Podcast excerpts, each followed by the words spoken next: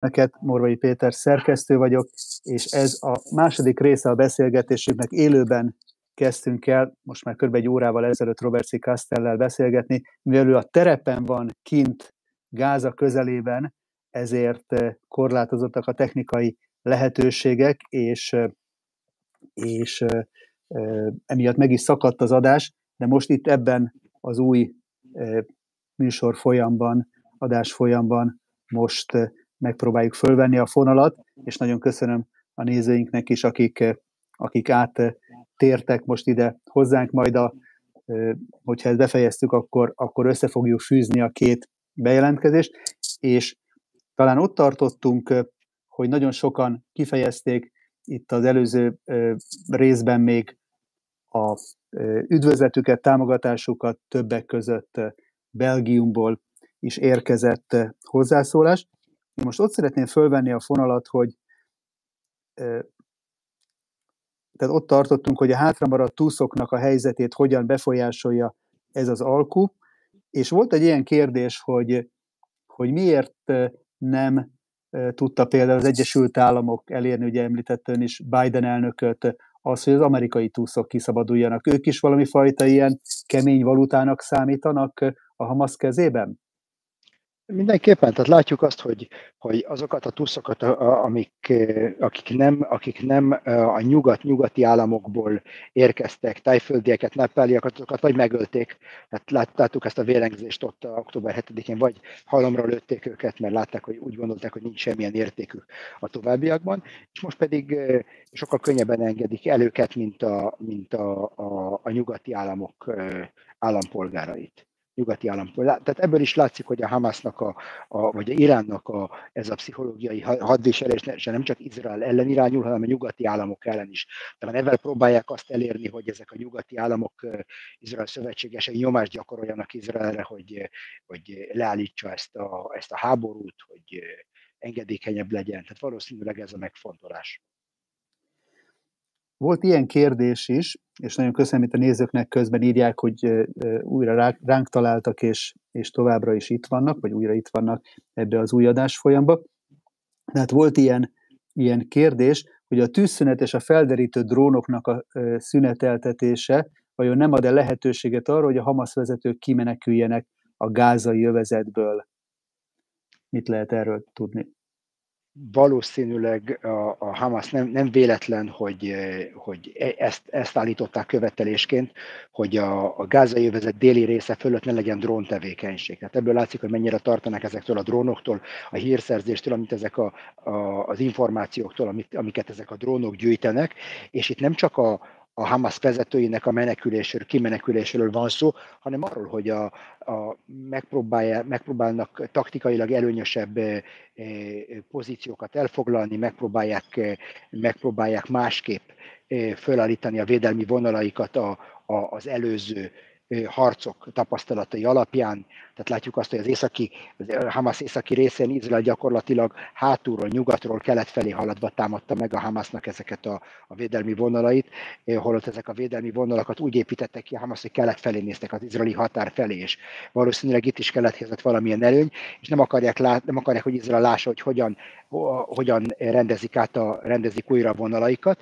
És az utolsó dolog szerintem, ami szintén legalább ennyire fontos, hogy megpróbálják mozgatni a túszokat, tehát megpróbálják elszállítani a túszokat más helyekre, és ezáltal megnehezíteni a hírszerzésünk munkáját.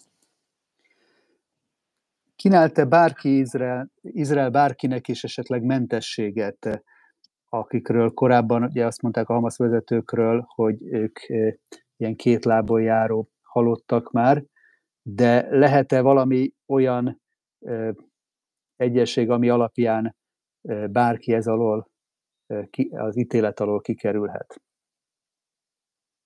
Péter, most valamilyen oknál fogva újra, újra nem hallom, de jól értettem, a kérdés a, a, a, a, ahhoz kapcsolódik, hogy keletkezett-e valamilyen külön egyezmény a Hamasnak valamelyik vezetőjével.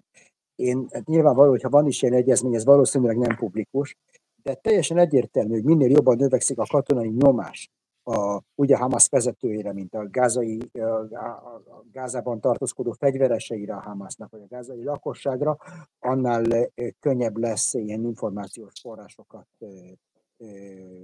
beszerezni mondjuk úgy, vagy annál többen lesznek hajlandók kooperálni Izrael, vagy hozzásegíteni Izraelt ahhoz, hogy, hogy lezárja, azt, lezárja azt a dolgot.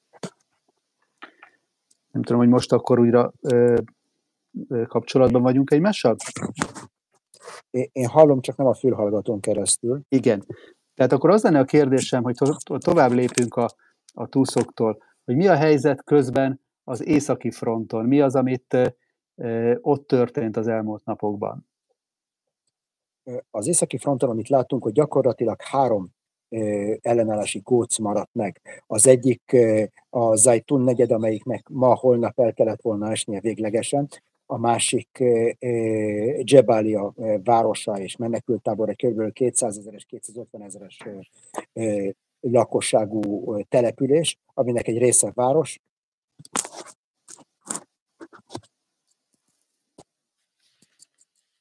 Uh-huh. Elnézést kérek, továbbra is nagyon igyekeznek elszabotálni a beszélgetést, különféle államokból érkeznek telefonhívások. Nagyon, nagyon fontos egyeseknek, hogy hogy megvonják tőlem ezt a plat, vagy tőlünk ezt a platformot. Mondjuk. Nem fogjuk hagyni, és nagyon Tehát köszönjük azoknak a nézőiknek, akik Spanyolországtól kezdve Kanadáig követnek bennünket, és köszönjük a kitartásokat, nem adjuk föl. Igen, tehát látjuk ezt a Zajtun negyed volt az egyik, a másik Jebalia, és a harmadik talán a legfontosabb ellenállási góc a gázai övezetben, ez, ez Sajai, a Gáza, Gáza városának az a negyed, amely kelet felé néz, Izrael felé néz, és valószínűleg onnan indultak el a támadások. Tehát ez a három góc maradt északon, és hogyha valószínűleg egy, maximum két héten belül, hogyha a támadás folytatódik, ezeket az ellenállási gócokat is Izrael felszámolja, és akkor, hogy ezzel egyidejűleg, vagy ezután el fog kezdődni Gáza déli részének a, a, a, a támadása is. Márton kérdezi azt, hogy kedves Robert, kedves Péter, én azt kérdezném, van-e esélye annak, hogy Izrael vagy az Egyesült Államok semlegesítse Katarban a Hamas vezetőit? Ezt az akciót felvállalná az USA, és mit szólna ehhez Katar?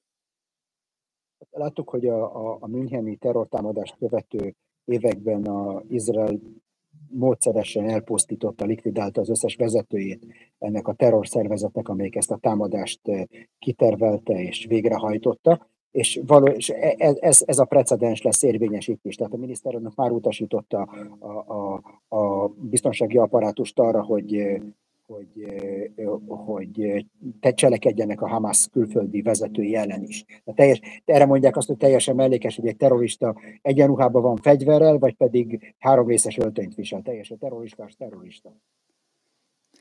Zoltának a kérdés az, hogy tudjuk, hogy Jeruzsálemben is élnek arabok, ott most nyugalom van, vagy onnan is veszélyel kell számolni, írja Zoltán Bajorországból. Köszönöm szépen a kérdést. A Hamas a maga részéről mindent megtett, hogy lángba borítsa e, e, úgy a Izraelnek a belső területeit, ahol kisebbségi arabok élnek, izraeli állampolgárok, mint Cisjordániában, Judeában és Somronban és Kelet-Jeruzsálemben az ott élő arab lakosságot is föl, föllázítja Izrael ellen. Láttunk tüntetéseket, alacsony intenzitással, és láttunk igen sok terror, te, igen sok terrorcselekményt. A háború kitörése óta négy zsidót töltek meg ezekben a terrorcselekményekben, és e, e, számos palesztin is áldozatul esett ezeknek az összecsapásoknak, a, a terroristákról beszélek, össze, áldozatul estek a, a hadsereggel folytatott összecsapásoknak, főleg Jeninben, Tulkarenben, Nablusban, ezek, ezekben a városokban igen komoly terrorinfrastruktúra a Hamasnak a terrorinfrastruktúrája alakult ki, és gyakorlatilag ezek a városok, amik fölött a palesztin autonómia már elvesztette az ellenőrzését, gondolok itt elsősorban Jeninre, gyakorlatilag egy mini ázaként működnek, mini gázaként működnek. Már röviden említettük a beszélgetés korábbi részében a, a, a jemeni fenyegetést, hogy onnan Eilát felé próbáltak már több alkalommal drónokat, illetve rakétákat kilőni, és történt egy hajórablás is, a, egy ilyen kalóztámadás is a Vörös tengeren. Ennek van végül is köze, bármilyen köze Izraelhez, vagy ez csak egy úgymond ilyen kereskedelmi célú kalózkodás volt? Én úgy gondolom, hogy a, a, ez a fenyegetés, ami az izraeli hajózást érinti ott a Babelmandeb környékén és Jemen partjainál, ez előbb-utóbb befolyásolni fogja a, a, a tengerhajózás egészét ezen a, ezen a, ebben a térségben. A, a Huthik a, a, a múltban használtak ilyen szárazföldről indítható rakétákat, hajó, hajó elhárító rakétákat, és mikor a, a, egy olyan, olyan olyan vízfelületről van szó, ahol igen, igen zsúfolt vízfelületről van szó, igen zsúfolt tengeri átjárókról van szó, ahol hajók igen közel haladnak egymáshoz, és az a rakéta, amelyik megcéloz egy hajót, eltalálhat egy másik hajót. Ugyanakkor tisztában kell lenni még egy dologgal. Általában a tengeri hajózás az egy nemzetközi vállalkozás. A hajóknak a többsége nemzetközi tulajdon, olyan koncernek tulajdonában van nemzetközi, több nemzeti koncerneknek, a multiknak a tulajdonában van, a legénység a hajóknak is általában nem nyugati legénység, tehát nem izraeliek hajóznak ezeken a hajókon, nem, ők, nem izraeliekből áll a személyzete, és gyakorlatilag ártatlan, olyanok fognak elpusztulni, akiknek semmi köze nincs ehhez a konfliktushoz. Arról nem is beszélve, hogy ez, amit a, a huszik csinálnak, ezt úgy hívják, hogy kalózkodás. Van erre egy, egy, egy, egy technikai kifejezés, ez kalózkodás. És amíg a tengeri szintére maradunk, akkor arról is volt hír, hogy Törökországban egy nagy létszámú ilyen flottilla, úgymond civil flottilla szerveződik, amelyel megpróbálnak különböző nemzetiségű aktivisták Gáza közelébe, a gázai partok közelébe eljutni, és egy ebből az irányból nyomást gyakorolni Izraelre.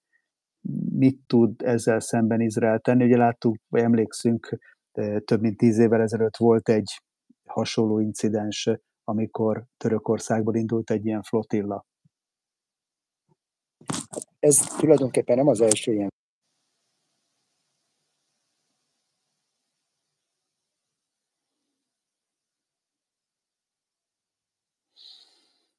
úgy látszik továbbra is vannak, akik meg akarják ezt Ez a gyakorlatilag nem az első ilyen vállalkozás, mikor megpróbálják úgymond megtörni az izraeli tengeri blokkádot Gázában, és láttuk például a, a Navi Marmara hajónak a, a, a megállítása során megsérült, megsérült több tucat haditengerészeti kommandósunk, és meghalt kilenc török aktivista, akik részt vettek ebben a támadásban.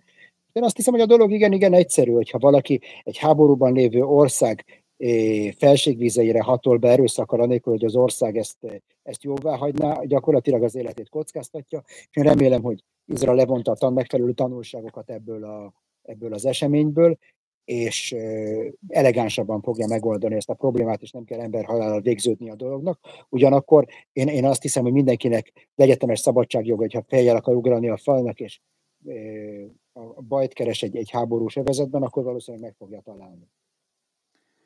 Lászlónak a kérdése az, hogy kedves Robert, ön szerint vissza lehet-e még szorítani az iszlámot Európában, például a segélyek azonnal és egységes megszüntetésével, vagy ebből olyan lázongás lenne, amit már csak fegyverrel lehetne letörni, és akkor ehhez kapcsolódóan még hozzátenném azt a kérdést, hogy a napokban volt Hollandiában parlamenti választás, és meglepetésre a Szabadságpárt Gert Wilders vezetésével győzött, és Wilderszéknek a programjában is hangsúlyozottan bevándorláskritika és iszlámkritika szerepel. Jelzi ezt, ez azt esetleg, hogy van azért Európában egy ilyen fordulat? Elkezdtek a változásnak a szelei fújni? Én, én azt hiszem, hogy ez egy nagyon nagy kérdés, nagyon összetett kérdés a, a, a, az iszlám és az európai kultúrának az összeegyezthetetlensége, vagy összeegyeztethetősége, hogy mennyire tud, tud a két civilizáció együtt élni egy állam keretén belül, ezt, ezt nem lehetne így, nem, nem tudnám így megválaszolni csípőből. Az viszont kétségtelen, hogy a, az európai hangulat, meg az európai politikai, a, az európai közhangulat, mondjuk a Vox Populi, a népnek a hangja, az változik. Tehát egyre, egyre, egyre markánsabban e, fordul az eddig, e, az eddig érvényben lévő politikák ellen, és én azt hiszem, hogy minél hamarabb reagál erre a fősodó európai politika, annál jobb lesz. És amit a legveszélyesebbnek tartok, az az, hogy vannak bizonyos vélemények, amiket, amiket az asztal alá száműztek mondjuk úgy, és amiket nem lehet kinyilvánítani, és az egyetlen hely, ahol, ahol az az ember, akinek befogják a száját tulajdonképpen ki tudja nyilvánítani a véleményét, az a, az a szavazó úrna. Mikor a, a paraván mögött van, akkor, akkor ott senki nem tudja befolyásolni azt, hogy mit mond, és legalábbis a voksát le fogja tenni. És itt igen kellemetlen meglepetések érhetnek minket más országokban is, és nem feltétlenül azok az erők, akik hatalomra fognak jutni Európában, a legpozitívabb, lesznek a legpozitívabbak ennek a válságnak a kezelésére. Tehát jobb lenne, hogyha a, a, a fősodor venni át a, a, a szerepet és ennek a problémának a megoldásában, mert különben olyanok fogják megoldani a problémát, a, a, a, akiket nem szeretnénk probléma megoldókni találni. De egyelőre a fősodratú politikusok, hát legalábbis nem ezt a utat követik. A mai napon Izraelben tartózkodik a belga és a spanyol miniszterelnök, és ők ezt a mai túlszabadításnak a napját használták föl arra, hogy Izraelt kérjék számon a gázai civileknek a haláláért, meg az ottani életkörülményekért. Hogy látják az ilyen látogatásokat? Ugye volt sok szolidaritási, vagy több szolidaritási látogatás is, ami egyértelműen Izraelnek a támogatását fejezte ki, de itt most úgy tűnik, mintha csak az alkalmat, meg a, meg a média figyelmet keresnék ezek a politikusok, hogy kioktassanak másokat. Én azt hiszem, hogy a gázai tuszokon kívül vannak még más tuszok is Európában. És ezek a tuszok, ezek az európai politikai vezetők, meg az európai elektorátus is bizonyos szempontból tuszok. Először is tuszok, mert, mert megfélemlíti őket a, a, az az erőszakos a, a, a, a politikai erőszak gyakorlatilag, amit az iszlamista szervezetek, meg a velük szimpatizáló szélsőjobb és szélsőbal gyakorol Európában, először is megfélemlíti őket, másodszor is olcsó populizmus gyakorolva megpróbálják lekenyerezni mondjuk úgy a, azokat, ezeket a szavazókat, akik ezeket a politikákat szeretnék eh, érvényesíteni, és a, a, a, ebben a hozzáállásukban nem a saját hazájuknak, vagy, vagy a nyugati civilizációnak az érdekei lebeg a szemük előtt, hanem a saját politikai érdekeik, vagy a saját politikai túlélésük, ez is lehetséges. És ez, egy, ez, a, ez a válság egyfajta vizsga mindenki számára, Izrael számára is, és a többi nyugati állam számára is. Hogyan értékelik az orosz álláspontot? Ugye Putyin elnök a G20-nak egy ilyen virtuális csúcs találkozóján újra azért élesen kritizálta Izraelt. Ez most már ebbe az irányba fog haladni, vagy van azért esély valamilyen módon a kapcsolatok javítására Oroszországgal? Én azt hiszem, hogy ahogy blokkosodik a világ, egyre inkább visszatérünk a, a régi reflexekhez, a régi viselkedésmódokra, a régi lojalitásokhoz, és ez egy igen-igen szomorú dolog. És én azt hiszem, hogy a kihívás az, hogy még ebben a, az egyre zordabbá forduló nemzetközi hangulatban is megpróbálni mérsékelni az ellentéteknek a szintjét. Tehát vannak, vannak közös érdekei Oroszországnak és Izraelnek még mindig, és én azt hiszem, hogy hiba lenne nulláról százra menni. Tehát a, a, én mindig azt szoktam mondani, ezt mondtam az ukrán háborúval kapcsolatban is, hogy akik fekete-fehérben látják a dolgokat, azok a hamis dichotómia eszközével élnek. Itt gyakorlatilag a szürke különböző árnyalatairól van szó, és aki, aki csak vetétársából ne csináljunk ellenséget, és aki csak ellenségabból ne csináljunk halálos ellenséget, és így tovább. Ez az, amit úgy hívnak, hogy takarékoskodni az ellenfeleinkkel, vagy az ellenségeinkkel. Itt közben látom a hírek között, hogy már megjelent egy fotó a Rafai határátkelő helyen, ahogy a Vörös Keresztnek a járműveivel hozzák az izraeli kiszabadított túszokat, és egy idős hölgy és egy baba látható ezen a fotón, és azt is olvasom itt a hírekben, közben ugye élőben beszélgetünk, hogy Katár megerősítette, hogy összesen a mai napon 24 túsz került, szabadult ki, 13 izraeli, 10 tájföldi és egy filippino, és őket a Vöröskereszt átadta, továbbadta már ez azt jelenti azért, hogy a vártnál e, elképzelhető, hogy gyorsabban is tud haladni ilyen különböző csatornákon a túlszabadítás? Én nem gondolom, hogy a, a Hamasnak az érdekében állna az, hogy ez a dolog gyorsabban haladjon. Az ő érdekük az, hogy meg, minél jobban meghosszabbítsák ezeket a tűzszüneti napokat, ha lehet, ezt a négy napos tűzszünetet kitolják a végtelenségig, és az ideiglenes fegyvernyugvásból egy tűzszünetet, egy, egy, egy tartós tűzszünetet kreáljanak. Ez nem Izrael érdeke, és ez nem az, amit az izraeli társadalom látni akar. Faltól falig. Gyakorlatilag én nem ismerek egyetlen olyan demográfiát se Izraelen belül, egyetlen olyan politikai csoportot sem, vagy csoportosulást sem, akik azt akarnak, hogy itt a háborút itt és most lezárni. Hajnal írja Svájcból, hogy Svájcból követjük a beszélgetést, nagy köszönet, és Robert C. Kastelnek azt kívánom, hogy segítse a Jóisten családjával együtt, vigyázzon magára. Jött egy másik üzenet is Dél-Afrikából, Fokvárosból, tényleg egy nemzetközi figyelem kíséri most Izraelnek a, a küzdelmét, és ezt a napot. Így akkor összefoglaló egy a beszélgetésünknek a, a vége felé. Tehát ezt a e, e, mai napot lehet akkor azért egyfajta fordulópontnak tekinteni az október 7-e óta eltelt 49 napban? Én nem látok ebbe egyáltalán fordulópontot. Ez még egy epizód. Tudtuk, hogy ezen a be fog következni. Tudtuk, hogy lesz egy pillanat, mikor meg kell állítani a harcokat azért, hogy vissza, visszakapjuk a, a, a tuszainkat, és én azt hiszem, hogy ezzel számolni kell, lesznek még ilyen időszakok. A lényeg az, hogy a, az, er, erőfeszítés folytatódjon, és hogy szem előtt tartsuk azokat a célokat, amiket meg akartunk valósítani, a Hamas katonai erejének a felszámolása, hogy ezt a fenyegetést eltávolítsuk a határainkról, az összes tusz szabadon kiszabadítása, és a harmadik dolog egy jobb jövő kreálása úgy, a, úgy Izrael, mint a gázai, az ártatlan gázai civilek számára is. Tehát ameddig ezt szem előtt tartjuk, addig semmi probléma. Azzal egyébként, hogy a hadműveletek ugye Galant védelmi miniszter azt mondta, hogy legalább még két hónapig intenzíven fognak folytatódni e, a déli, Gázának a déli részére e, is kiterjedhetnek majd? Igen, mindenképpen. Tehát a, a, ahhoz, hogy ezt a, a, a kitűzött célokat elérjük, az elengedhetetlen, hogy Izrael elfoglalja a Gázának a déli részét is. Egyszerűen meg kell semmisíteni a Hamasnak a politi- katonai hatalmát, amire a politikai hatalma épül, hogy valami mást jobbat lehessen hozni helyette. Ameddig ez a katonai hatalom megmarad, akár, akár részében is megmarad, addig semmi, jobb, semmi jobban nem lehet kitölteni, nem jön létre az a vákum, amit aztán ki lehet tölteni valami jobb tartalommal. Ez egy igen-igen bonyolult vállalkozás lesz, azon oknál fogva, hogy északról oda menekül több mint egy millió civil, hogy ezt hogy fogjuk pontosan menedzselni, azt még nem tudom. De meglátjuk meglátjuk. Robert Székeszer, ahogy itt eh, Csaba eh, írja, köszönet az élő adásért.